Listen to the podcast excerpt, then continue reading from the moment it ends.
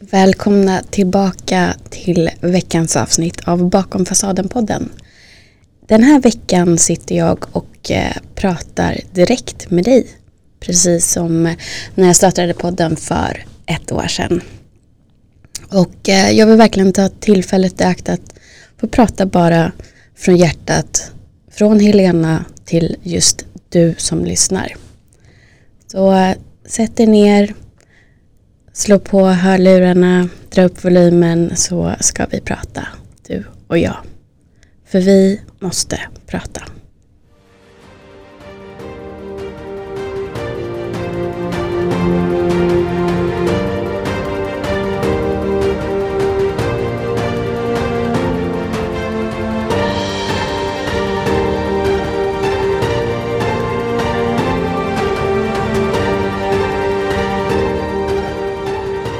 Först och främst så vill jag verkligen från botten av mitt hjärta tacka dig. Du som har lyssnat och framförallt du som också har tagit dig tid att höra av dig eller skriva någonting, rekommendera avsnittet eller bara visa stöd. Det betyder nog mer än vad man kanske för första tanken förstår. Att öppna upp sig på det sättet som jag och även mina gäster gör det är inte så lätt som man kanske tror. Visst, vi kanske är här människor som kan ha lätt att prata för oss. Men att verkligen blotta sig och släppa in bakom fasaden. Det är otroligt läskigt för att det just är så sårbart. Att berätta någonting för sakens skull för att man vet att det här kan hjälpa någon annan för det hade hjälpt mig det är ju absolut ett fint syfte. Men det är också otroligt modigt. Och jag vill verkligen poängtera det. Och därmed inte bara hylla mig själv. Men också alla som väljer att medverka i podden och berätta sina personliga egna historier och släppa in oss som lyssnar och mig som intervjuar bakom deras fasad. När jag satt här i studion med Magnus och skulle spela in det här avsnittet som blev ett jubileumsavsnitt men också det allra mest sårbara jag faktiskt någonsin har gjort och vet att jag kan inte riktigt kontrollera vad som frågas, vem som lyssnar, hur många som lyssnar och hur de som lyssnar kommer tänka om mig. Då var det ändå någon röst i mig som sa att det spelar ingen roll. För att du kommer ändå kunna visa vägen för alla, alla som behöver prata. Vi måste prata. Alla vi som på något sätt har varit med om någonting som har format oss. Vi måste prata. Och nu säger inte jag att alla ska medverka i en podd eller tv eller skriva ut om det. Absolut inte. Men att bara prata med någon. Om det är så en vän, en förälder, syskon, en terapeut. Det gör så otroligt mycket. Att bara liksom verklighetsgöra det som har skett. Att våga inse att det här är någonting hemskt. Och det har hänt mig. Och det påverkar mig. Såklart. Att få stöd i att du är fortfarande du. Men du är också någon som jag vill stötta för att du berättar det här. För att du har gått igenom någonting otroligt smärtsamt det betyder också otroligt mycket för att man ska hitta styrkan att faktiskt ta tag i sin egen läkning. För mig tog det väldigt många år att ens förstå att jag faktiskt inte var läkt. Jag trodde med min skyddsmekanism att trycka bort minnen och känslor som ändå associerades med våldtäkten. Att det gjorde att jag kunde sitta och prata om att jag har blivit våldtagen. Ungefär som att jag pratade om, jag har druckit en ny kaffesort. Jag kände liksom ingenting. Jag släppte ju inte fram det. Jag kom inte i kontakt med det här innerst inne. Och då tänkte jag så här att ja, men eftersom jag kan sitta och prata med det här då är jag ju läkt. Då väcker inte det längre någon, någonting jobbigt i mig. Det, det väcker ingen smärta, det, det kommer inte upp minnen, jag har aldrig haft en flashback. Men egentligen så var mitt skyddssystem bara väldigt, väldigt effektivt. Och i takt med att jag det här året har gått i terapi och hittat en väldigt trygg terapeut som inte bara är otroligt klok och sympatisk och empatisk också sett vilken väg jag behöver ta och inte trycka på någonting utan bara låta saker komma naturligt i den takten det är menat att det ska komma. Så har jag läkt. Jag har läkt en otrygghet inom mig. Vilket gör att mitt psyke nu har känt att det är tryggt att släppa fram minnen. Så eh, en kväll för några veckor sedan så satt jag och tittade på en ny favoritserie. Ni vet den här tunna blå linjen på SVT. Och eh, utan att spoila allt för mycket, det är ju poliser som man följer då i en fiktiv serie som är otroligt realistisk. Och de jobbar bland annat med att försöka hitta en, en våldtäktsman, en serievåldtäktsman. Och eh, jag har ju sett filmer tidigare och andra serier där det har förekommit eh, våldtäktsscener. Och ibland har det väckt känslor och ibland har det inte väckt så mycket alls. Men då har det mer varit kanske ehm, stor sorg som har väckts i mig. Men den här gången så kom jag på mig själv att sitta och vicka på kroppen. Och eh, börja skaka på huvudet. Och helt plötsligt så var det som att jag inte längre satt där i soffan hemma i min trygga lägenhet utan jag såg någonting annat framför mig och det var ett hotellrum i Waikiki, Hawaii. När den andra våldtäkten skedde. Och jag såg när han kom mot mig och knäppte upp byxorna. Och den här paniken som jag kände där och då tog igen över min kropp.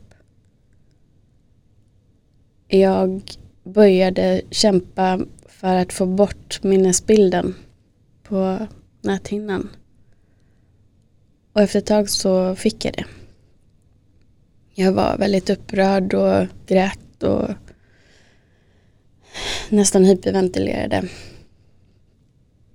Och eh, där och då så, så väckte det också väldigt mycket rädsla.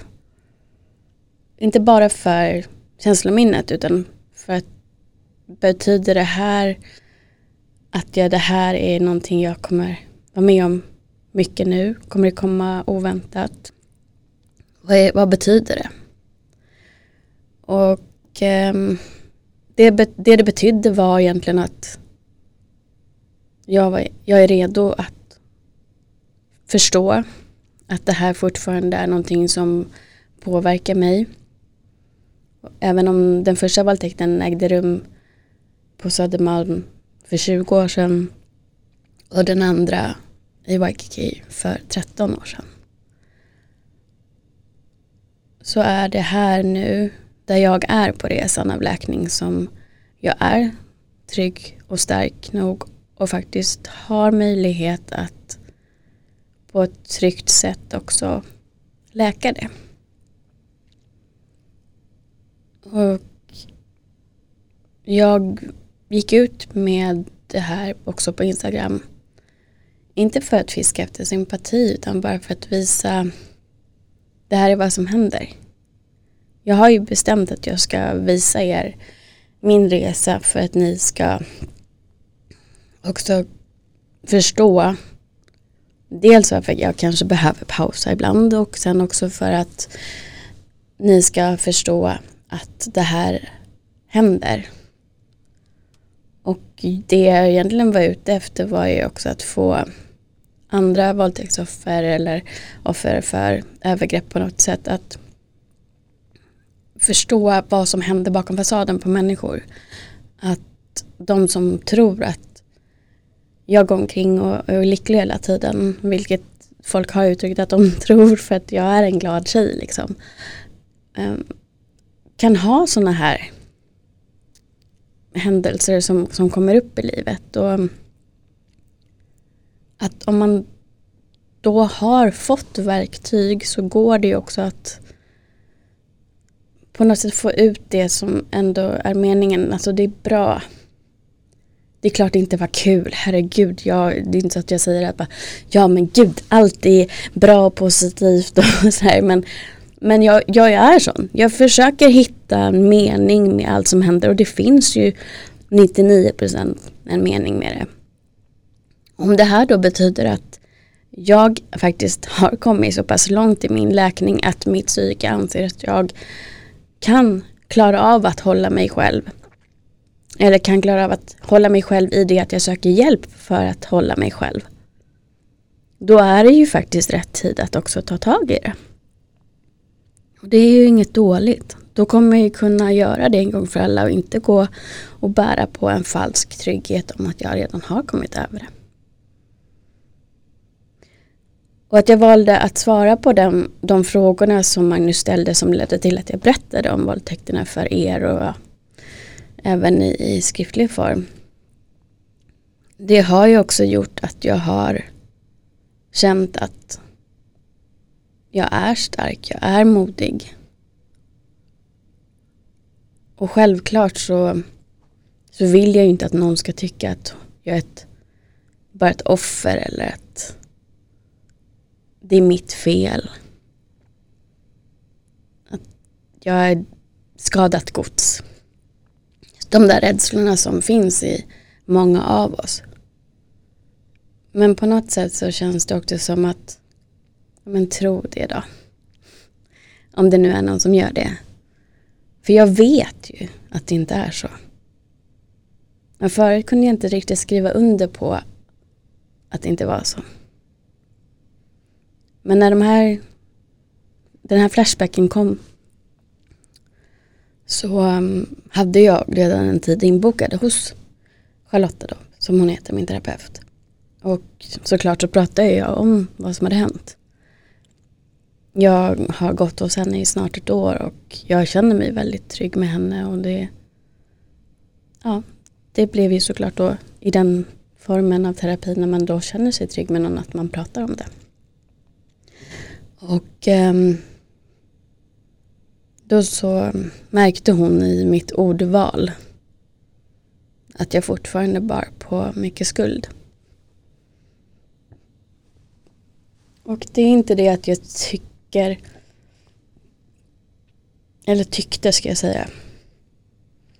Jag kände inte att det var mitt fel att de här killarna tog sig rätten att ha sex med mig mot min vilja.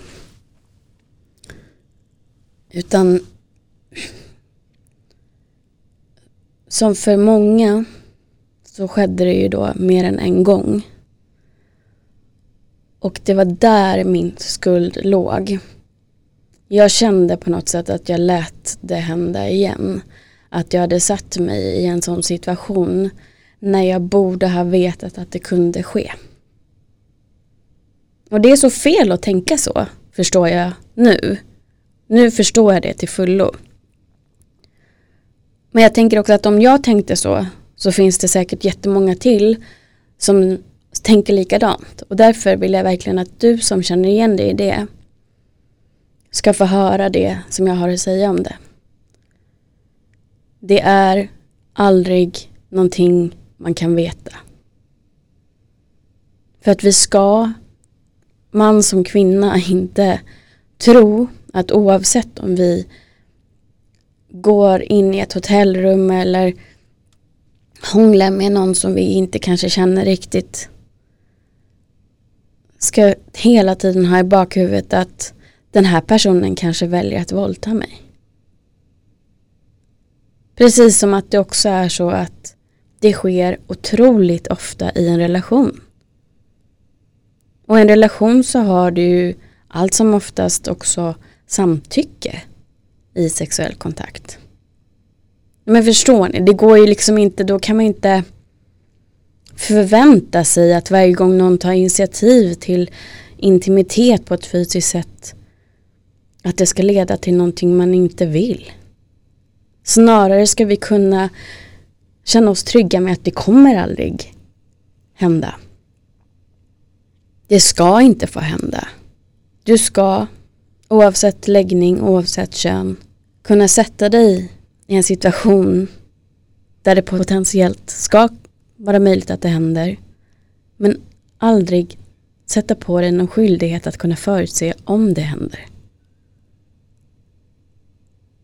Därför att det är inte någonting som har där att göra. Fysisk intimitet, närhet, sex, att älska. Det har inte med makt och våld att göra. Och det är där det blir fel hos oss. Därför måste vi prata om det här. Vi, vi kvinnor, män som absolut vet med sig att det här är ingenting jag någonsin önskar någon eller någonting jag någonsin skulle kunna göra. Vi måste enas. Jag kan se att många män väljer tystnad när sådana här ämnen tas upp. Och jag kan tänka mig att det har många skäl. Och det kan också vara individuella skäl. Men det är så otroligt viktigt att du höjer din röst, att du visar vad du tycker och vad du står. Och känner du inte att du vill göra det offentligt, nej men börja med att ta den sidan om det tas upp vid middagsbordet när du har en middag med vänner eller om du märker att det läggs sådana kommentarer i omklädningsrummet när du tränar en sport eller liknande. Visa var du står. Jag lovar dig att om det är en idiot som står och säger sådana saker och ni är tolv personer i ett omklädningsrum så är du inte ensam om att känna att det här är fel. Men du är kanske ensam om att våga uttrycka det. Men vågar du och känner dig stark nog i din tro på vad du tycker är rätt och fel då kommer du inspirera andra genom att våga säga ifrån. Och jag tror att det också är otroligt viktigt att alla män som ser sig som en vanlig typisk kille, en normativ kille också är med och visar att ni är allierade med oss som ändå kämpar för att normalisera att prata om det här. Normalisera att det är inte okej. Okay. Och det ska bli vanligare att sitta och prata om att det inte är okej. Okay, än att sitta och skämta om det. På ett nedvärderande sätt. För att jag vet att vi är fler som tycker att det är fel. Än de som tycker att det är rätt. Än de som kladdar lite på fyllan, Lamberts. Eller de som tar sig rätten att köpa andras kropp.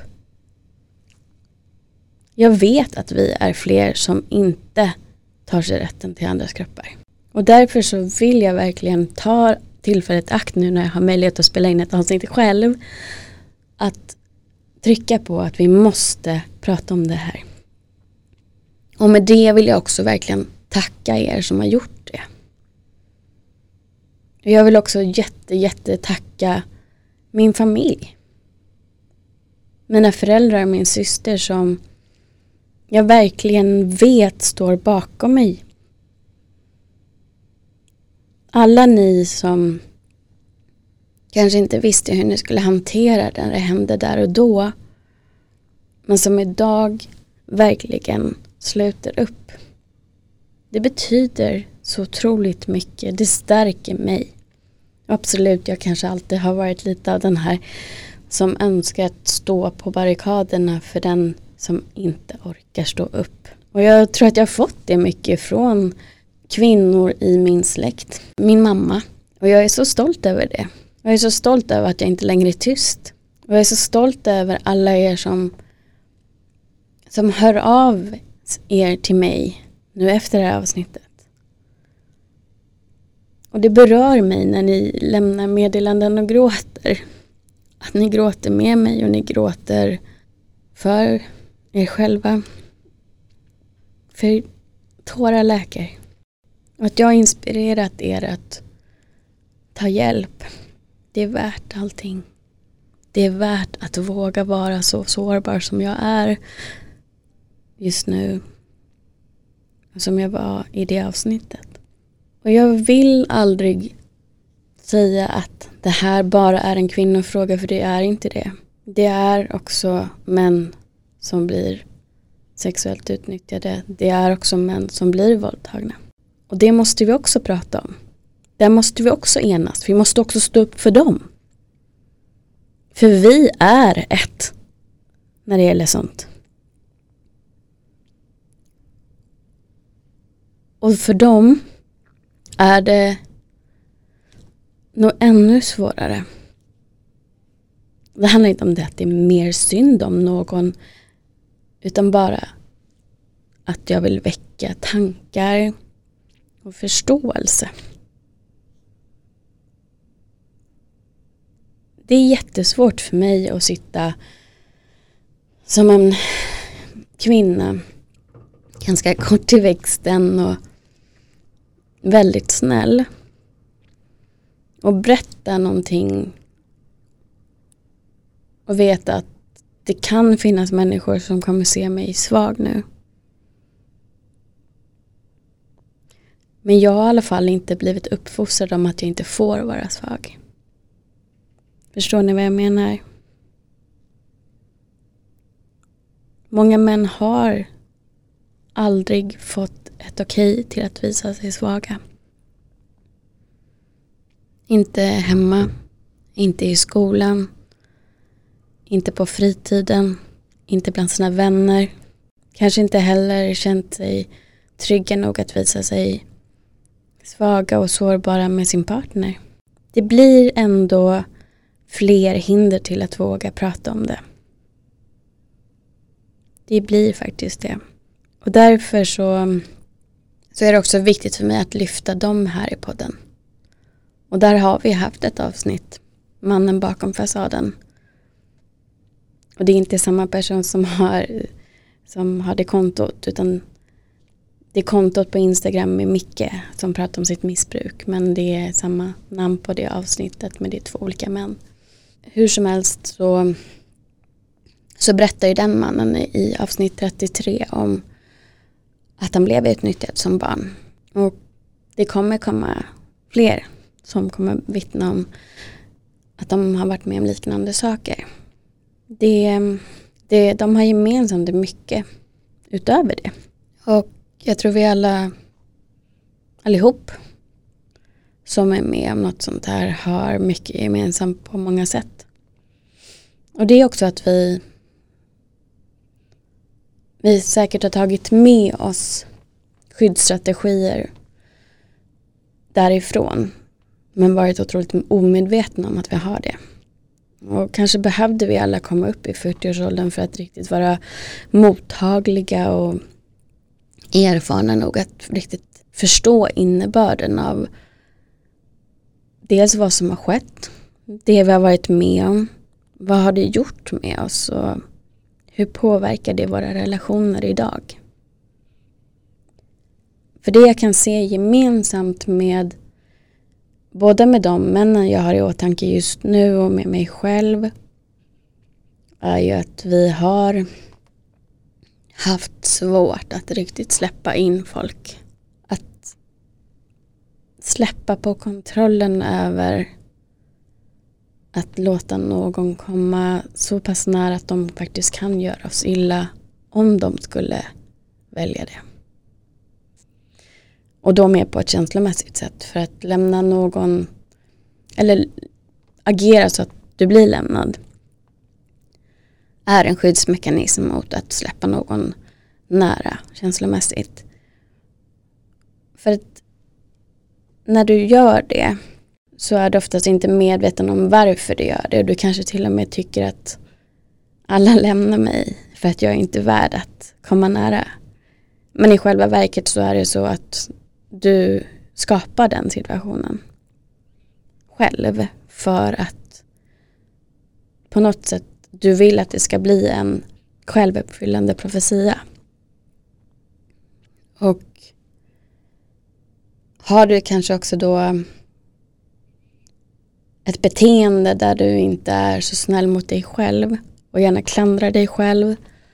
Om du misslyckas, ja då får du ännu mer vatten på din kvarn där. Och det är en sak att sitta och prata om vad man ska göra i den situationen och vad andra ska göra. Men där kan jag bara tala för mig själv. Där får ju de berätta liksom vad de gör och det är ju deras ansvar. Men för att bara återgå till att prata om vad jag gör så är det otroligt viktigt för mig också att känna att jag sitter inte bara och pratar utan jag jobbar med det här. Jag försöker läka det här och jag försöker visa vägen och släppa in så mycket som min integritet tillåter längs med den läkningsresan för att också visa hur den kan se ut. Och att jag kan stå upp för, eller stå för mina ord. Jag skulle känna mig otroligt falsk om jag bara satt och sa att nej men du som har varit med om någonting eller du vet inte ens har varit med om någonting men du kanske ändå har en otrygg anknytning och svårt att släppa folk nära. Att du då, om jag då skulle bara sitta och säga så och liksom predika om olika sätt och mm, förklara saker som jag gör med hjälp av mina gäster och sen inte jobba med det själv. Nej, det är liksom, för mig går inte det ihop. Det blir inte genuint och det blir inte, det blir inte bra. För mig så, så känns det otroligt viktigt att faktiskt visa er vad, vad händer här? Min erfarenhet säger mig att ibland har jag, eller ofta i historien så har jag klandrat andra för att, ja men till exempel det som jag precis pratade om, att det bara pratas men liksom, det görs ingenting. Men det är bara jag själv som kan ändra på någonting. Om jag då ser till att i alla fall inte göra det själv. Ja, då har jag gjort det jag kan. Om jag kan i alla fall visa de personerna som är fast i att tycka synd om sig själva. Att man kan komma loss ifrån det. För jag har också varit där. Att du kan ta makten över ditt eget liv igen och faktiskt skapa det du vill ha egentligen utifrån just dina förutsättningar även om du tycker att du har dåliga förutsättningar. Även om du har det. Man behöver inte vara någon framgångssaga, det räcker med att du mår bra igen. Där är det ju individuellt när man är redo såklart men jag tänker att väljer man att faktiskt gå och prata med någon oavsett om du känner att du helst vill sitta i en grupp och att ni bär varandra lite grann då finns ju den typen. Vill du prata en och en med en terapeut och kunna känna fullt fokus och tillit till en person då ska du göra det. Men jag vill verkligen att ni förstår, jag vet att det här återkommer väldigt mycket i nästan alla avsnitt men det är därför att det verkligen hjälper. Och jag, jag vet att jag ser i många andra innehållsförteckningar över andras poddar och avsnitt att det blir fler och fler som också pratar om anknytningsteorin. Men kanske inte djupdyker lika mycket. Och jag tycker verkligen att det är roten till läkning, till allt, till att förstå sig själv och varför man gör på olika sätt. Också förstå att det är ingenting som, som sitter fast liksom. Utan att det är någonting som är ständigt under förändring. Beroende på vad som händer i ditt liv och vad du gör i ditt liv. Och jag vet att generellt bland otrygga, särskilt otrygga undvikande så, så finns ett stort motstånd till att faktiskt inse fakta. För att det känns som att erkänna ett misstag eller att jag är fel. Och jag tror att du kanske behöver höra det där mer än en gång. Du som vet med dig att det jag pratar om just nu är du. Och du kan också vara trygg i alla andra relationer än just i kärleksrelationer. Det är olika spektrum. Du kan vara lika mycket trygg i eh, en relation kanske med en, en syster du har en väldigt bra relation med. För att där har du lärt dig att din syster finns alltid där för dig. Hon håller dig när du är ledsen, hon skrattar med dig när du är glad. Så det finns ingen otrygghet där. Men din erfarenhet vad det gäller kärlek kanske har sett ut på ett annat sätt. Eller så um, kommer det ifrån allra första början, den anknytning du har gjort med dina omsorgspersoner. I många fall dina föräldrar. Kanske för att du är uppväxt i en tid där föräldrarna var tvungna att lägga mycket tid på jobb och hushåll och fritidsaktiviteter och allt möjligt. Och det inte riktigt fanns en medvetenhet om vad det gör med ett barn som inte blir sett och hört och hållen och får uttrycka känslor som traditionellt har benämnts som dåliga känslor eller jobbiga känslor. Så det är inte konstigt att om du aldrig har fått uttrycka att du är orolig eller ledsen eller arg. Att du har lärt dig trycka bort det. Och att det då blir en automatisk grej du gör om det är någonting som dyker upp som väcker just de här känslorna i dig. Att du tycker att du kanske är en belastning till andra om du uttrycker den typen av känslor. För det är det du har fått lära dig. Så du är alltid glad. Fast inuti så kanske du har ett enormt stresspåslag för att du är egentligen jätteorolig. Eller jättearg eller jätteledsen. Och jag vill att vi ska vara varsamma mot varandra. Men framförallt oss själva. När det är så. Men du måste våga erkänna att det är så. För du kommer inte komma någonstans annars. Om du går runt i förnekelse till att du är otrygg i din anknytning. Då kommer inte den här relationen du önskar att komma. Du kan byta person. Men du kommer upprepa ditt mönster. Och du behöver inte klara det här själv. Du ska inte göra det här själv. Vi behöver någon som ser oss utifrån. Som kan observera. Mm, hur tänkte du nu? Jag hör att du uttrycker dig på det här sättet. Som ett exempel. Och det är spännande. Det är kul att lära känna sig själv. Och du kommer märka skillnad ju mer du öppnar dig. Vi måste prata.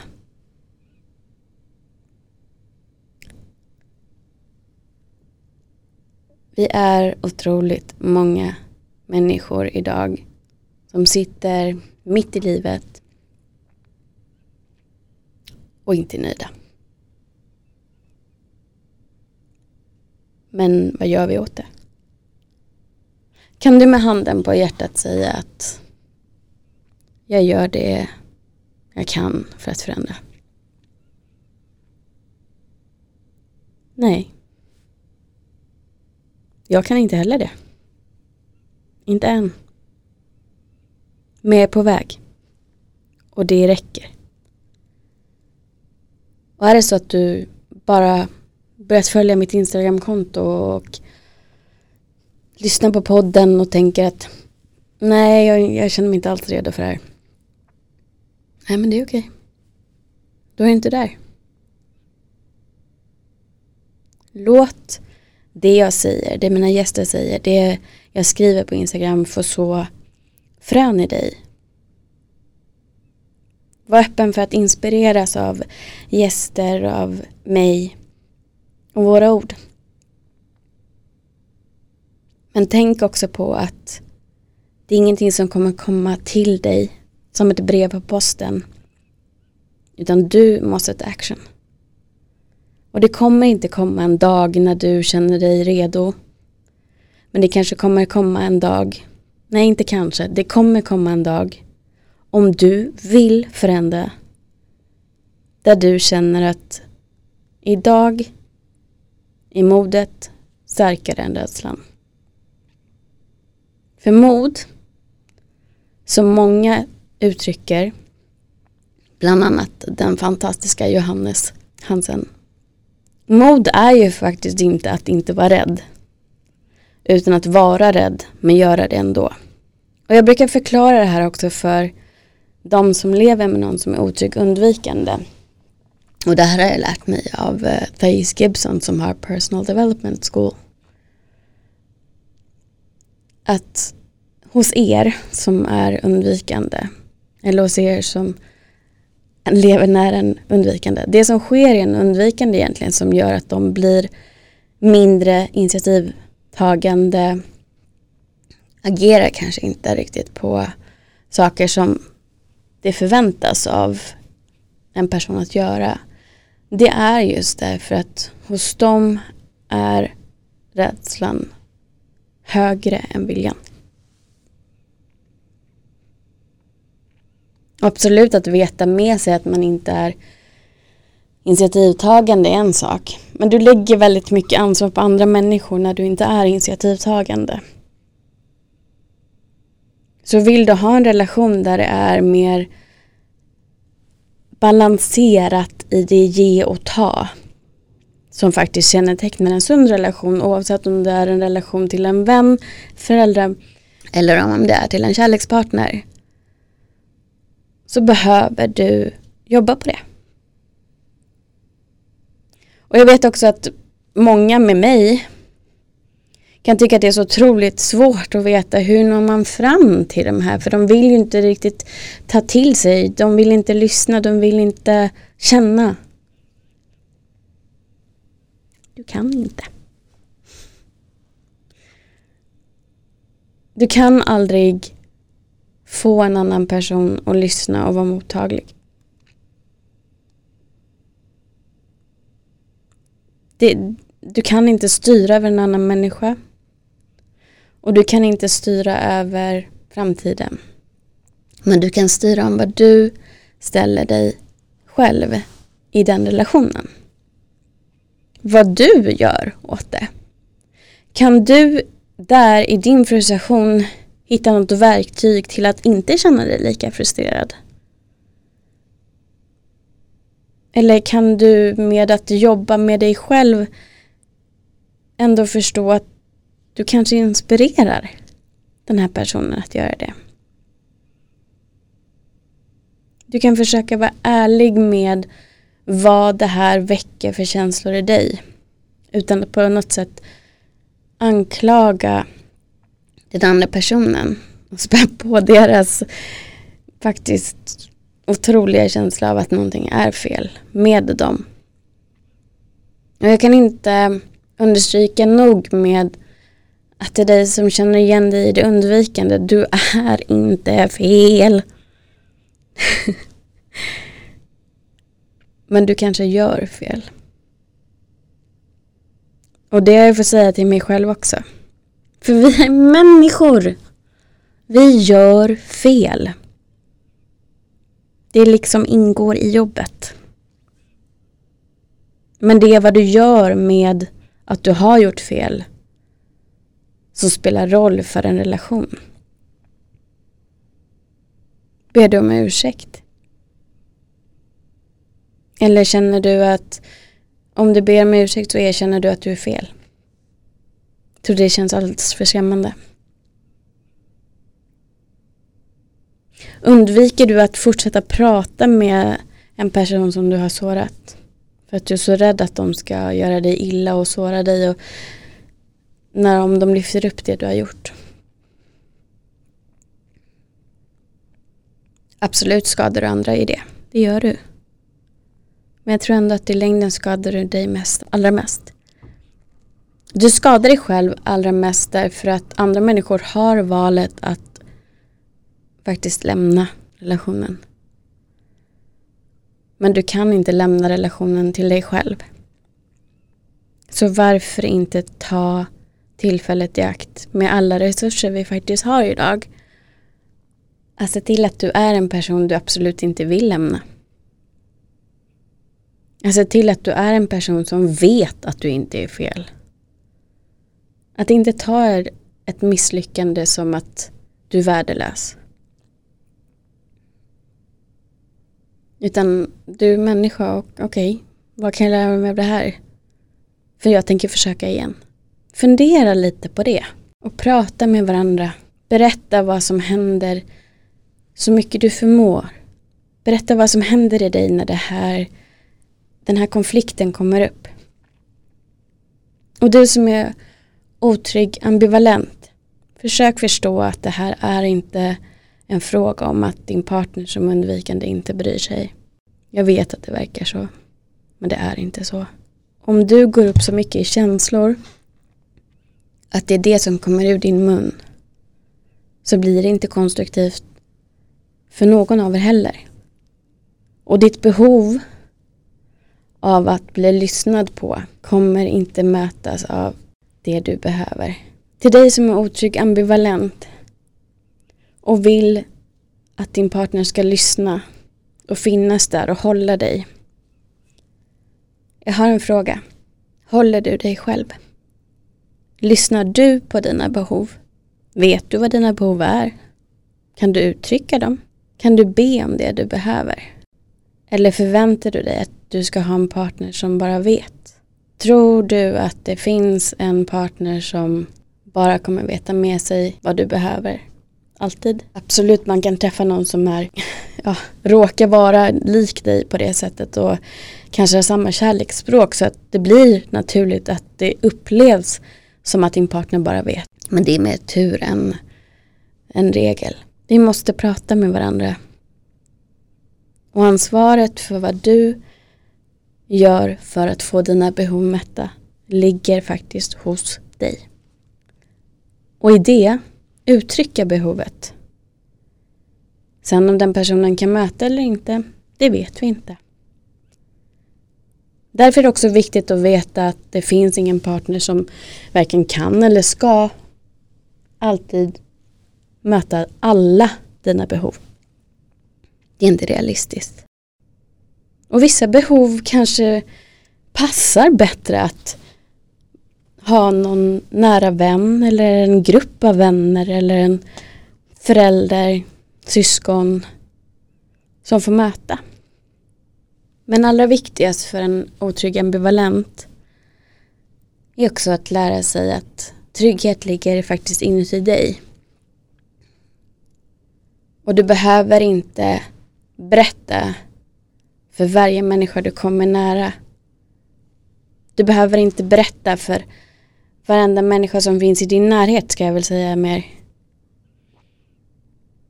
Vad du behöver bara för att tänka att någon, någon här ute kommer rädda mig. Nej, nej, nej. Rädda dig själv. Jag var också så. Jag vet vad jag pratar om. Det var länge jag hade dagdrömmar om att killen jag tycker om kommer komma och rädda mig. Jag kunde ha fantasier om att det hände någonting väldigt dramatiskt och det kanske kom en ambulans. Och han släppte allt och bara kom och höll om mig. Eller bara kom och sa jag älskar dig. Och jag pratade om det här med någon lyssnare, eller vi mässade tidigare i veckan och jag kom på att jag inte haft de här dagdrömmarna på ett ganska bra tag nu. Men jag har ju aldrig aktivt jobbat med just dem. Utan det kommer liksom av sig självt med att du blir trygg med att du vet att du håller dig själv. Och det här avsnittet som jag gjorde när jag berättar om våldtäkterna och jag visade mig sårbar. Jag gör ju inte det för mig idag. Jag gör det för jag vet att 21-åriga Helena behövde någon som stod upp för henne. Och därför gör jag det för henne. Och jag gör det för 28-åriga Helena som ännu mer behövde någon som höll henne. Och jag gör det för kvinnor som blir ifrågasatta och män som inte vågar berätta. Och jag gör det för oss alla som har varit utsatta för trauma på olika sätt. Och jag vet att idag så dansar 21-åriga Helena för hon känner sig fri för hon vet att hon behöver inte hålla det här längre. För jag gör det. Jag har kapaciteten. Jag har möjlighet att hålla henne idag. Och jag behöver inte förlita mig på att någon annan ska göra det åt mig. Och jag vet också att när jag behöver bli hållen så har jag människor i min närhet idag. Som jag har sett till kan hålla mig om jag behöver. Och vad jag menar med se till är att jag har pratat om det i vår relation. Jag vet deras kapacitet. Och jag vet att jag har pratat om människor tidigare i podden som jag har sagt att jag vet att jag kan vända mig till dig. Och där tyvärr så har det visat sig att jag har en erfarenhet rikare på att jag inte kunde det. Att den personen kunde inte hålla mig där. Och det är okej. Okay. Det gjorde jävligt ont. Men det är okej. Okay. Och den här acceptansen för andra människor och för vad de ändå lär mig är liksom större än smärtan. Och acceptansen för hur det är är också befriande. Jag kommer aldrig stå på ett ställe och bara låta livet leva med mig. Jag vill leva livet. Och jag vet att det är en klyscha men jag kom precis att tänka på den att när jag var yngre så var det någonting man alltid skrev. Låt inte livet leva med dig utan lev livet. Jag kanske säger det lite fel men ni förstår. Och känner nog igen det. Vi är alla olika. Jag förstår det. Jag tycker inte att du är en dålig människa eller sämre än mig för att vi är olika. Det finns många som jag kommer komplettera för att jag är olik den och vice versa. Vi lär av varandra om vi är öppna för det. Och vi kan läka med varandra om vi är öppna för det. Om jag ska vara helt ärlig, de som faktiskt jag vet står där i min ringhörna till 100 procent. Det är inte människor som aldrig har varit med om någonting. Och det är inte människor som kanske på något sätt är klara med sin resa. Utan det är en blandning. Men vi vet vad vi har varandra. Och vi lär av varandra hela tiden. Och vi pratar med varandra. Och jag vet att ibland så har jag inte lyssnat på dig. Och inte velat ta in. Utan bara sökt en lösning på vad det är du försöker säga. Och jag vet att du har sagt att ibland så känns det som att förväntningarna för vad jag ska göra är så höga. Och vad jag än gör är fel. Jag vill be om ursäkt för det. Det är inte så jag har sett det. Men jag lär. Och jag försöker vara lyhörd. Och jag försöker också ställa frågor. Och till dig som har hört av dig och ge mig din tillit till att berätta vad du är med om. Jag vet att ibland så kanske jag tar det som att du vill ha ett svar av mig vad du ska göra. Och ibland kanske du bara vill ha någon som lyssnar. Men jag försöker att tänka på det. Jag är en person som hela tiden jobbar med problemlösning. Och jag har gjort det i mitt yrkesliv så länge jag har jobbat. Och ja, jag är i 40-årsåldern så nu kan jag tänka hur länge det är. Så det är lite svårt för mig att lära om. Men jag försöker. Och jag menar väl. Och jag har otroligt mycket kärlek till er alla som lyssnar och till mig själv. Jag kommer fortsätta med det här länge till. Och jag lovar att jag ska absolut släppa er bakom min fasad fler gånger.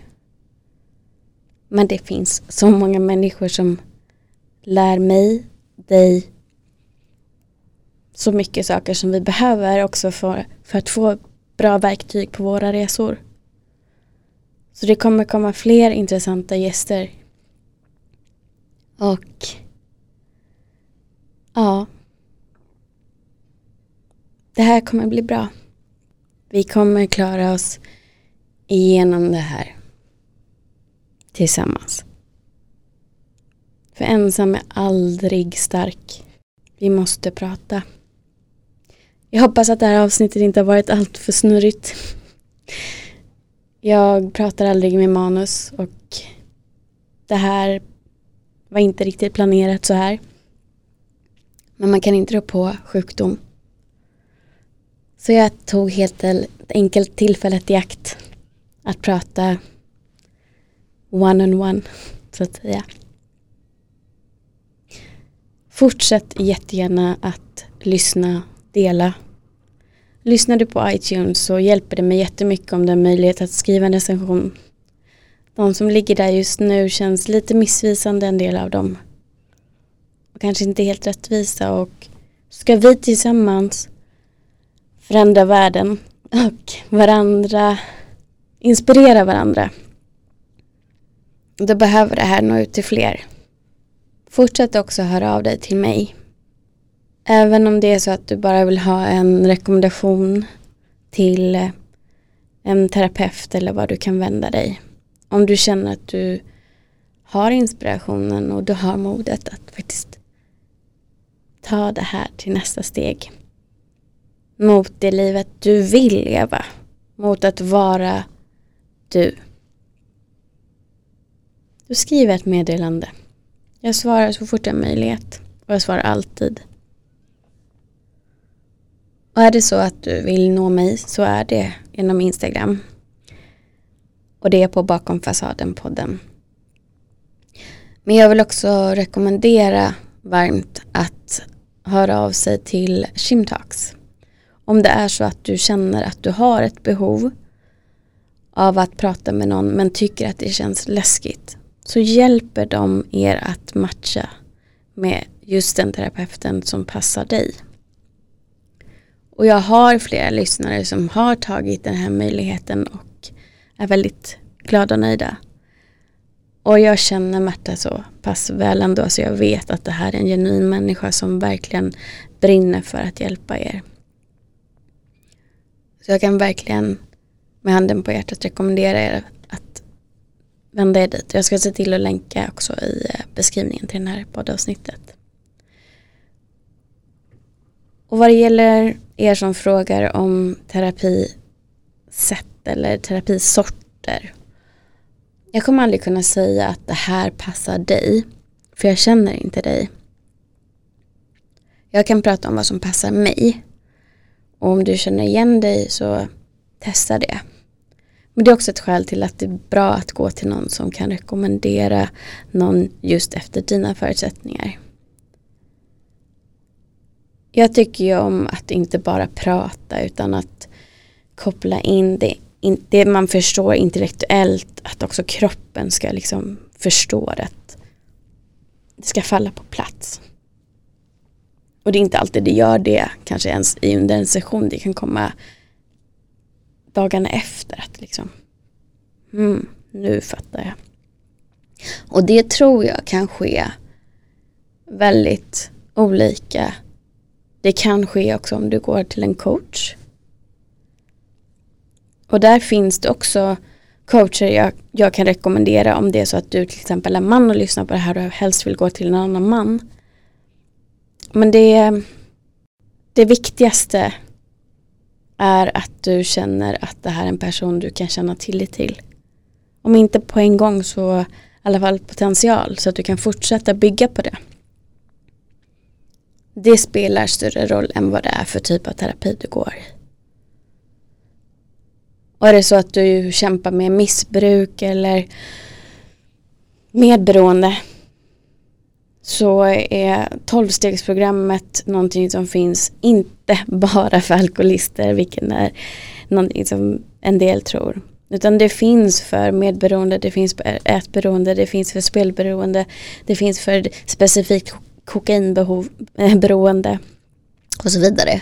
Så att det finns så himla mycket resurser i dagens samhälle och just nu när vi ändå inte riktigt kan leva som vi vill